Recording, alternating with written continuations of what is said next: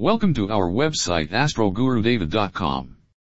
It is very important for your planets to be in your favor for your marriage. Without the cooperation of your planets, you cannot create a favorable situation for your marriage. If you are also looking for a great astrologer then meet our top astrologer in Alberta that is our Astrogurudeva ji. Our Pandit ji can tell you the reason for your not getting married. And due to non-cooperation of any planet, your marriage is getting delayed. Can tell this too. Our Pandit ji has very old knowledge of this science. Call us at plus one four three seven four two two seven six six six. Thank you.